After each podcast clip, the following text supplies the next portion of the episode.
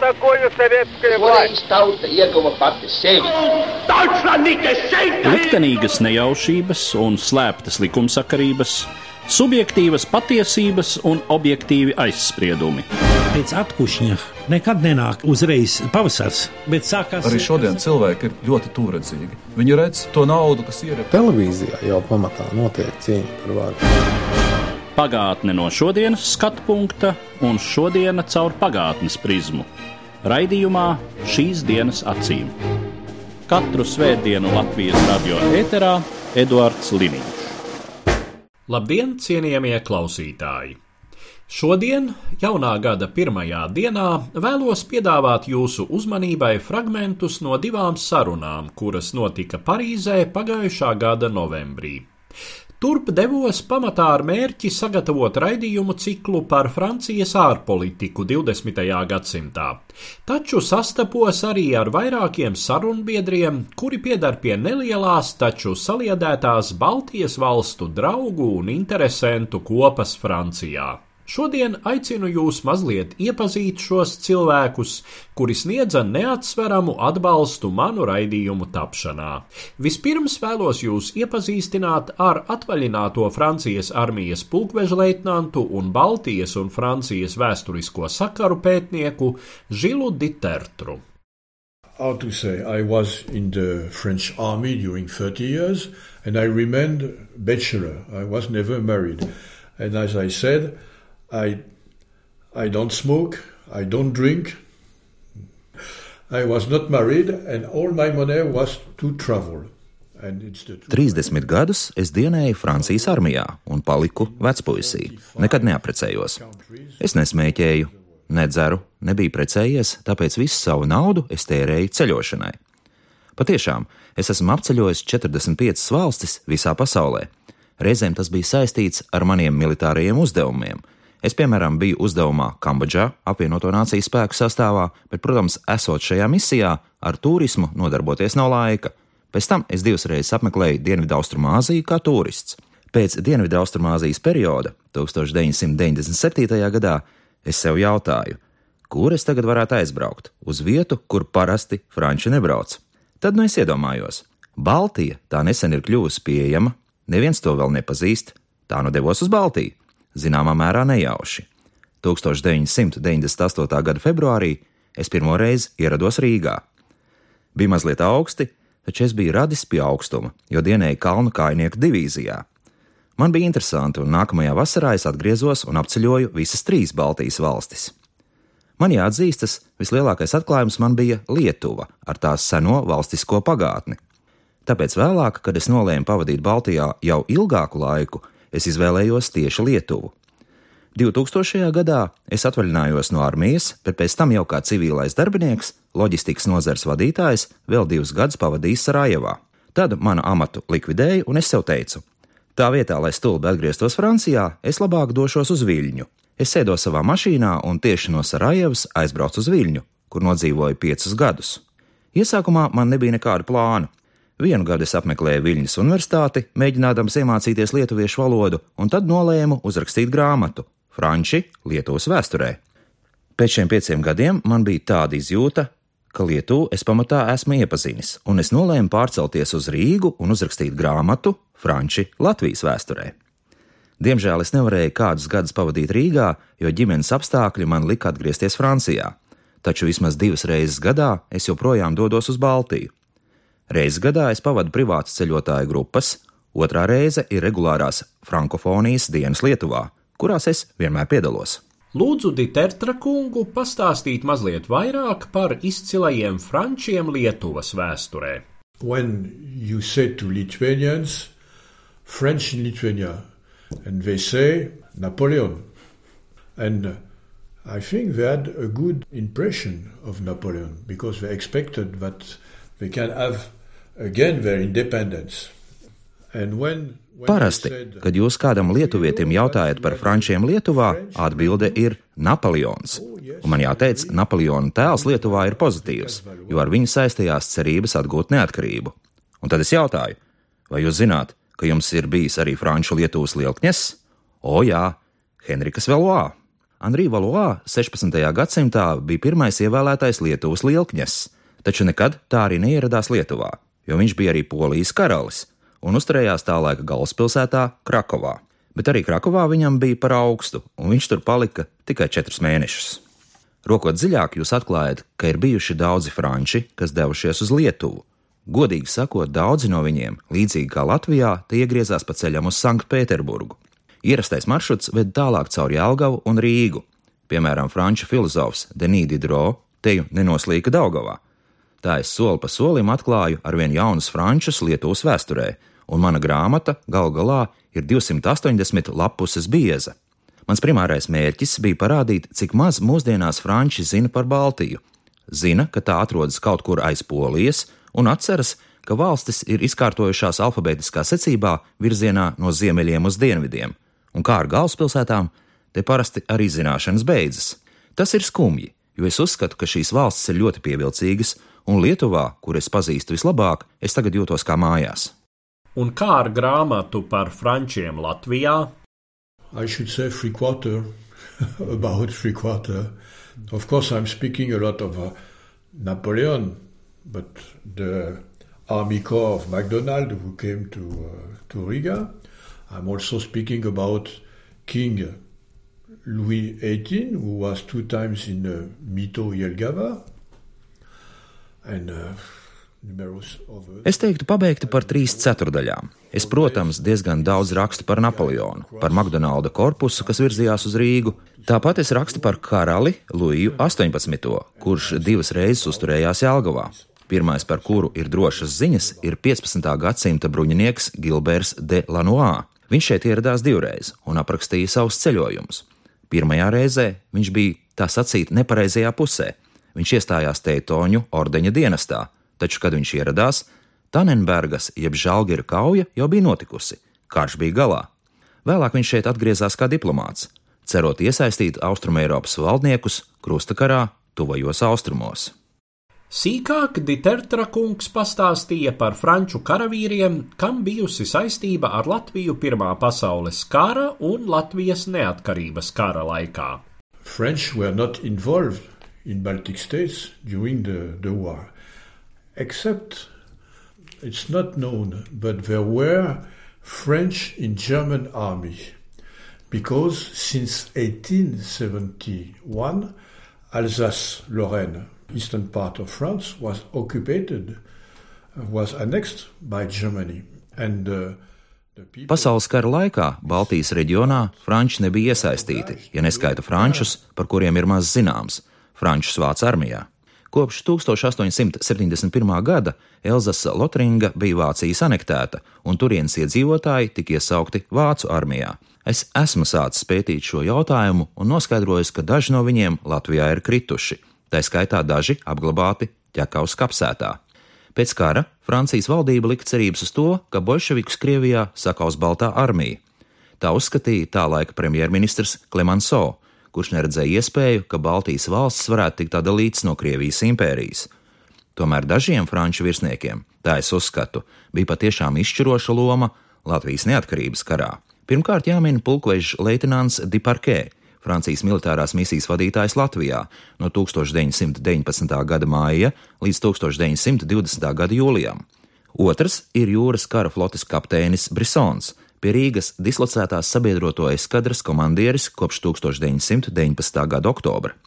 Vēl ģenerālis Ņesēls, apvienotās sabiedroto komisijas Baltijas valstīs vadītājs. Viņa uzdevums bija nodrošināt vācu spēku aiziešanu no Baltijas. Saskaņā ar Versaļas mierlīgumu sākotnēji vāciešiem tika dots uzdevums palikt Baltijā, lai nepieļautu bolševiku ienākšanu, taču vēlāk vācieši vairs nevēlējās izvākties, un šīs ģenerāļa Ņesēla vadītās komisijas uzdevums bija to panākt.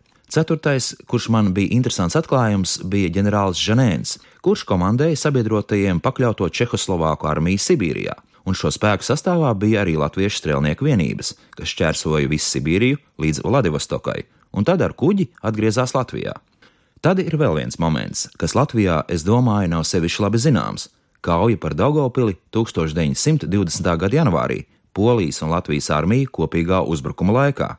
Polijas armija ieņēma Daugopili izdzenot bolševikus, un šīs polijas armijas sastāvā bija pirmais tanku pulks, kas bija bruņots ar franču tankiem FT-17, un šajā pulkā dienēja arī franču virsnieki un karavīri, kuri attiecīgi polijas armijas sastāvā cīnījās pie Daugopils. Atšķirībā no Britu valdības, kas vēlējās redzēt neatkarīgas Baltijas valstis, Franču valdība nesaskatīja Baltijas neatkarības iespējamību un nepieciešamību.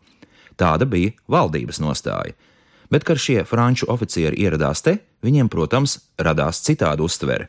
Piemēram, pulkveža leitnants Diparkē personiski sniedz atbalstu Ulmaņa pagaidu valdībai. 1919. gada 7. jūnijā Diparkē ieradās Rīgā, kur nesen bija ieņēmis Vācu Landesvērs un Dzels divīzija, lai pārtrauktu Vācijas īstenotās apšaušanas bez tiesas sprieduma. 27. jūnijā viņš personīgi piedalījās likumīgās Ulmaņa pagaidu valdības varas atjaunošanā pēc Niedras atkāpšanās. 1919. gada augustā Diparkē devās uz Parīzi un sagādāja Latvijas armijai apģērbu, aprīkojumu un ieročus desmit tūkstošiem karavīru, 30 lielgabalus, 50 smagos un 500 vieglos ložmetējus. Manuprāt, šāda šī virsnieka rīcība norāda, ka viņš atzīst latviešu, arī lietuviešu un igauņu nācijas pastāvēšanu, tiesības uz pašnoteikšanos. Viņš, manuprāt, uztvēra Latviju kā realitāti. Vēl es gribētu piebilst, ka pēc neatkarības kara pirmās šķiras Lāčplēša ordenis tika piešķirts 11 cilvēkiem. No tiem divi bija franči - maršals Ferdinands Fošs, sabiedroto armiju virspavēlnieks Pirmā pasaules kara rietumu frontē, un ģenerālis Marija Eižēns Debenē, kurš pieņēma vācu kapitulāciju Kampjēņas mežā. Otrās šķiras Lāčplēša ordenis tika piešķirts 14 frančiem no pavisam 61 apbalvotā, starp tiem arī ģenerālim Ņesēlam ģenerālim Žanēnam, pulkveža leitenantam Diparkē, komodoram Brisonam. Trešā šķiras Lāčplēša ordenis tika piešķirts 33 franču virsniekiem. Un visbeidzot, ko Žils stāsta tiem, kuri neko nezina par Baltiju? It's what we say in Lithuania, but I think it's the same in Latvia. If you don't want to come back to Lithuania, don't go for the first time. And very often, people went like this uh, in Lithuania. So some find their wife. It's not my case. But uh, people. Es saku, ja jūs negribat atgriezties Lietuvā vairāk kārt, tad nebrauciet arī pirmo reizi. Domāju, tas pats sakāms par Latviju. Un ļoti bieži tie, kuri tur aizbrauc, piemēram, atrod sev sievu. Tas gan nav mans gadījums. Tie, kurus es tur aizvedu, pieminēto ceļotāju grupu sastāvā, beigās saka, cik skaistas valstis. Tagad mēs saprotam, kāpēc esat tās iemīlējis. Manuprāt, tās ir ļoti modernas valstis.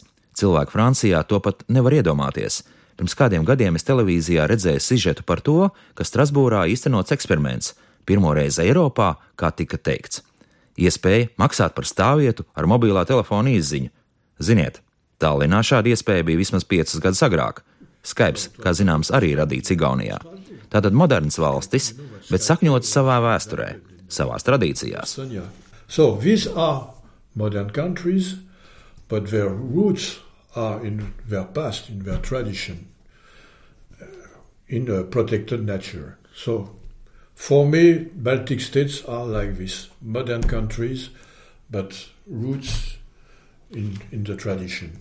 Šī bija mana saruna ar atvaļināto Francijas armijas pulkvežleitnantu un Baltijas vēstures izpētes entuziastu Žilu Ditertru. Un nu vēl divi mani sarunbiedri. Laulātie draugi Suzanna Poršie Plasero un Īvs Plasero sevi dēvē par visu Latvijas draugu kopas vecvecākiem. Tiesību zinātnieka Īva Plasero saistībā ar Latviju ir jau vairāk nekā pusgadsimtu veca. I did started myself interested, being interested in the late uh, 50s. And, and I visited uh, Latvia for the first time in 1968. Par Baltiju es ieinteresējos 50. gadu beigās. Latvijā es pirmoreiz ierados 1968. gadā, bet jau pirms tam man bija bijuši daudzi kontakti ar latviešiem vairāku gadu garumā. Un tad, sākot ar 1978. gadu, mēs jau ceļojām uz Latviju gandrīz regulāri, un sevišķi jau pēc perestroikas sākuma 85. gadā, gandrīz katru gadu, reizēm divreiz gadā. Man šī interese sākās kā interese par zudušajām valstīm. Šķirstot agrāko gadu Atlantus, mani saistīja tās valstis, kur tobrīd vairs nebija, bet kam reiz bija bijusi sava vēsture, kas bija bijušas starptautiski atzītas, kur pļaudas bija devušies brīvdienu ceļojumos. Un tad es sastapu dažus cilvēkus, kas bija nākuši no šīm valstīm, un tas piešķīra šim tematam jaunu saturu. Pirmie latvieši, ar ko man bija kontakti, bija neatkarīgās Latvijas diplomāti un daži latviešu juristi, kas Padomju Savienībā nodarbojās ar intelektuālā īpašuma jautājumiem. Pirmā kategorija, protams, bija nacionālisti. Otrajā grupā bija gan slēpti nacionālisti, gan īsteni padomju pilsoņi. Tādējādi es iepazinu ļoti plašu personību spektru, un vēl es sastapu anonīmus cilvēkus ielās. So when I did my uh, PhD, I did my PhD on uh, Soviet and East European law. So I would go and collect information about uh, intellectual property, more precisely patent law. So uh, I even had the opportunity to travel to the Baltics to, to check their pre-war laws. Par savu doktora disertācijas tēmu es izvēlējos Padomju un Austrumēropas valstu autortiesību likumdošanu, precīzāk, patentu tiesības. Un man pat bija iespēja šajā sakarā apmeklēt Baltiju, lai iepazītos ar šo valstu pirmskara periodu likumdošanu. Tas bija labs iemesls ceļošanai. Padomju iestādes man deva vajadzīgās atļaujas, jo es jau kādu laiku darbojos Franču padomju tirzniecības sakaru un licencēšanas jomā. Nevienam īpaši nerūpēja tas, ka šim režīmam es diezko nesimpatizēju. Tā nu es visai agri apmeklēju Baltiju un iegūtu tur dažus draugus, kas padomju laikā nebija diez cik viegli. 1978. gadā Suzana man pirmoreiz piebiedrojās, un laikam jau es biju tik entuziastisks, ka tas izraisīja interesi arī viņā. Mūsu regulārie braucieni sākotnēji bija saistīti ar manu darbu. Vispirms ar darbošanos intelektuālā īpašuma likumdošanas jomā, pēc tam minoritāšu tiesību jomā, kas arī ir mana specialitāte. Es piedalījos sarunās starp Latvijas valdības un Krievu minoritātes pārstāvjiem par krievisku runājošo integrācijas jautājumiem. Suzana man piebiedrojās, bet tā kā viņa nebija nodarbināta šajās integrācijas sarunās, tad viņa pavadīja laiku apmeklējot muzejus, mākslas galerijas, sastapdamās ar cilvēkiem. Pēc 1986. gada kontakti sāka veidoties ļoti strauji un plaši, līdz tam tas bija diezgan sarežģīti. Kad tika izveidota Tautas fronte, mēs iepazināmies ar daudziem tās dalībniekiem, piemēram, Sandru Kalnieti, arī Varu Godmani. 1989. gada augustā mūs uz Latviju uzaicināja LNK pārstāvi, un mēs stāvējām Baltijas ceļa dzīvajā ķēdē Brīvības bulvārī. Tās bija ļoti īpašas izjūtas. Šajā laikā es arī uzrakstīju kādas septiņas vai astoņas grāmatas par Baltiju franču valodā, jo tobrīd tādu pilnīgi trūka. Tāpat es piedalījos Baltijas studiju asociācijas kongresā, kur sastapu baltiešus no Zviedrijas, Savienotajām valstīm un Kanādas. Turpina Suzanna Poršie Plasero. For me, what was interesting was the capacity of resistance and of uh, keeping this identity beyond the years, and um, this is why I was interested into the Baltic countries. And then I tried to figure what was their identity. I couldn't stand for Lat- uh, for Lithuania. I couldn't stand for Estonia. I could not really uh, uh take what was Latvian identity. Mani Baltijas valstīs saistīja šo nāciju pretestības un savas identitātes saglabāšanas spēja cauri gadiem. Un tad es mēģināju izprast, kāda tad ir šo valstu identitāte. Ar Lietuvu man tas izdevās, ar Igauniju arī, bet es īsti nevarēju uztvert, kāda ir latviešu identitātes būtība. Tā, nu, mana interese tikai pieauga, un, kad es devos pensijā, es nolēmu tam pievērsties profesionālāk. Es sāku studēt vēsturi, iemācījos tik daudz latviski, lai varētu lasīt, un galu galā aizstāvēju doktora disertāciju par tematu, kas saistīts ar Latviju. Šai procesā es iepazinu daudzus cilvēkus, kuri man palīdzēja pietuvināties atbildēji uz šo jautājumu, kas tad ir latviešu identitāte. Jautāju, kāds veidojas pirmais iespējas par latviešiem? Not the most uh, cheerful and pleasant of the balls, usually a little uh, stiff and uh, uh not always extremely uh, pleasant, but interesting. Ne tie gaišākie un patīkamākie baltiešu vidū. Parasti nedaudz stīvi, bet interesanti. Viņiem nav sevišķi viegli tikt klāt. Tas, ko Suzana teica par latviešu identitātes izpratni, tā ir savā ziņā slēpta identitāte, sarežģīta. Daudz sarežģītāk nekā igauniem vai lietuviešiem. Līdzīga saudabīga identitāte šajā reģionā ir Baltkrieviem. Pieminētajai latviešu nepieejamībai nav nekāda sakara ar draudzību. Kad jūs iedraudzējaties ar latviešiem, viņi ir brīnišķīgi cilvēki, bet iesākumā mazliet rezervēti. Tālāk pārējām pie jautājuma par Baltijas valstu uztveri franču sabiedrībā.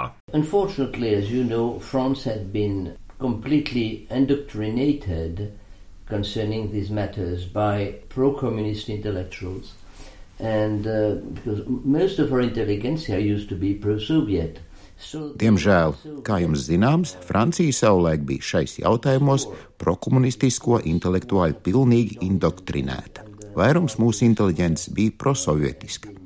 Padomju diskurss bija absolūti dominējošs. Baltijas nācijas, visu tautu mātes, Krievijas atbrīvotas, tagad laimīgi dzīvo padomju paradīzē. Viss, nekas vairāk tur nav jāpēta, viss ir vienkārši. Ikvienam, kurš dzirdēja Latvijas, Lietuvas vai Igaunijas vārdu, šī bija dogma. Izņemot ļoti, ļoti niecīgu mazākumu, kas bija izglītoti vai arī vēl atcerējās pirmskara periodu. Citādi Baltijas jautājums nevienam nerūpēja. Tās bija aizmirstas valstis. Bija vēl viens jautājums, kas visu šo tēmu padarīja smagu. Daudzu ebreju prātā baltieši bija ebreju slepkavs. Mums Francijā ir diezgan liela Lietuvas un Latvijas ebreju imigrantu daļa. Friends, friends, could not really understand where we were so so into these Baltic people mm. who had yes. behaved like mm. that during the war, you see. Mm.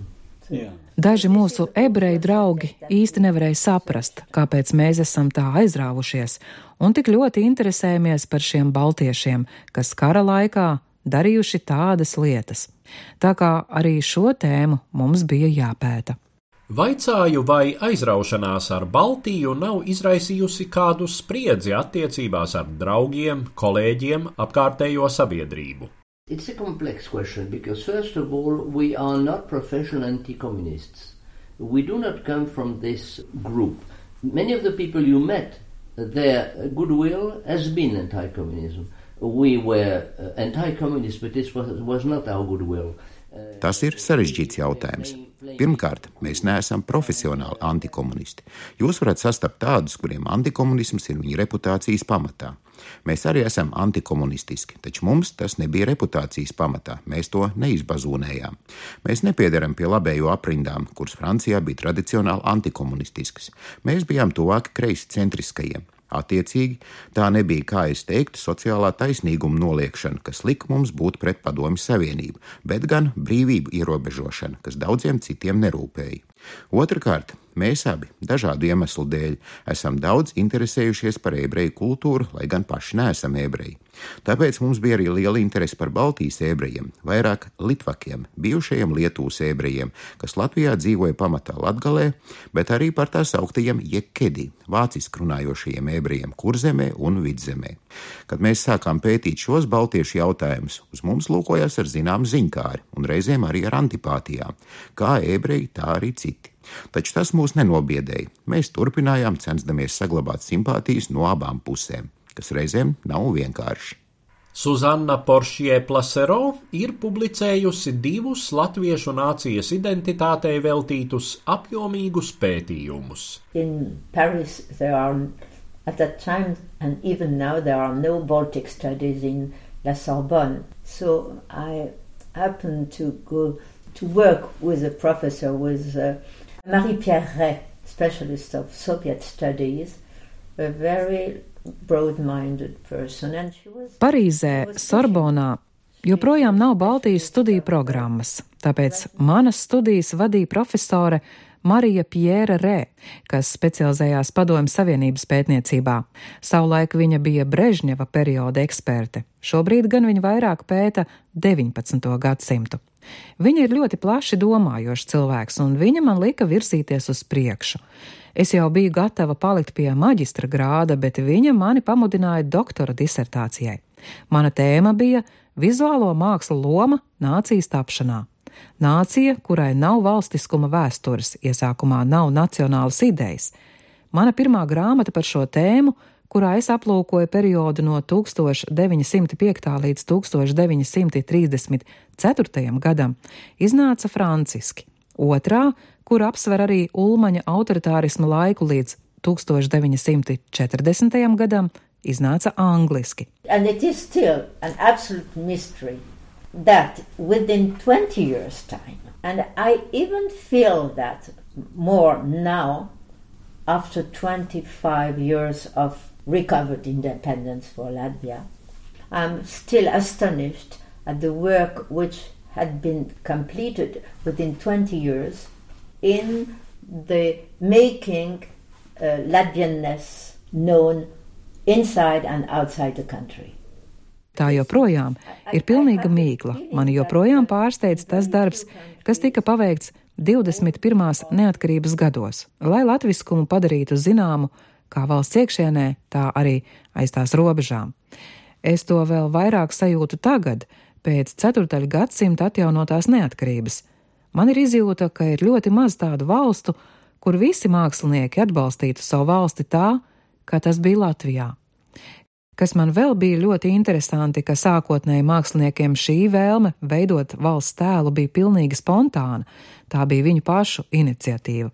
Tad pamazām valsts pieņēmās spēkā un kļuva par procesa dalībnieku, sāka ievirzīt māksliniekus. 20. gadu beigās mākslinieku pašiniciatīvu sāka nomainīt valsts politika, nemaz jau nerunājot par Ulmaņa autoritārismu periodu. Arī tas ir ļoti interesants temats - mākslu instrumentalizācija valsts tēla veidošanā.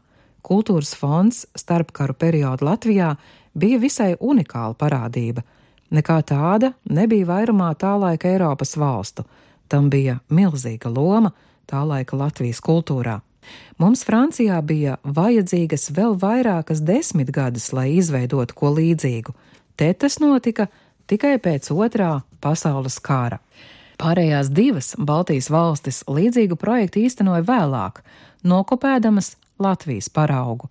Es domāju, Latvija bija īpaši arī ar to, ka jums bija ļoti labi amatnieki, tāpēc arī jums tik izcili izdevās dizains visai simbolikai, militārajām zīmotnēm. Šai ziņā man ļoti palīdzēja Īvs, kuram ir ļoti plaša pazīšanās kolekcionāra aprindās. Es domāju, šī amatnieciskā māka bija ļoti svarīga Latvijas vizualizācijai pasaulē.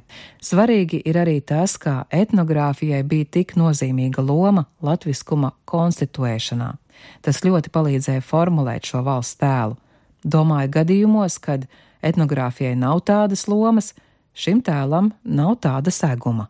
What is most striking is how, how quickly and uh, intelligently this was turned into a policy.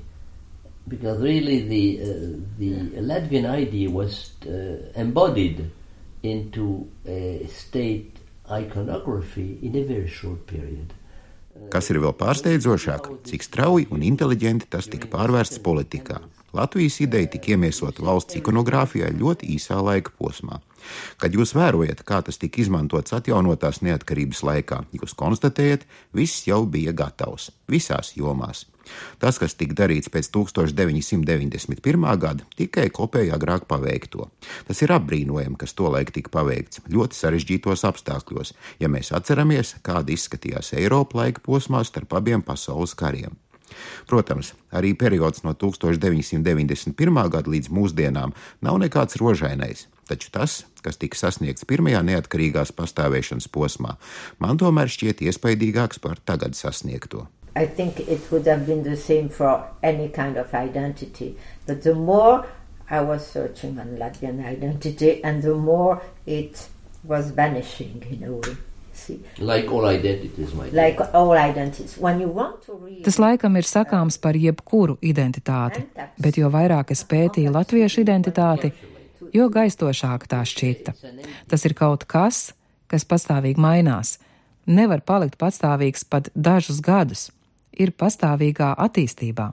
Tagad man šķiet, ka Latvija kļūtu daudz bagātāka, ja tā atgūtu vairāk no savas agrākās vācu identitātes, ebreju identitātes, krievu, latgaliešu. Kad es strādāju pie šī pētījuma, es biju īstena Latvijas latviete, bet beigās man radās izjūta, ka tas ir pārāk ierobežojoši. Accept, this, accept, the fact that it's diverse. Because when I was in that in that research, I was really Latvian Latvian, hundred percent. But And at the end, I had a feeling that this was too much reductive. Latvia is a miniature of Europe. Yes. Latvijai jāpieņem sava dažādība. Latvija ir Eiropa miniatūrā. Tā Suzannai Poršie Plasero piebilst viņas dzīvesbiedrs Īvs Plasero.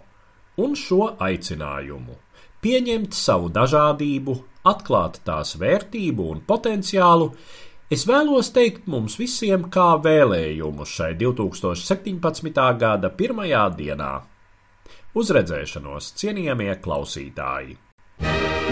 Katru svētdienu Latvijas radio viens par pagātni sarunājas Eduards Liniņš.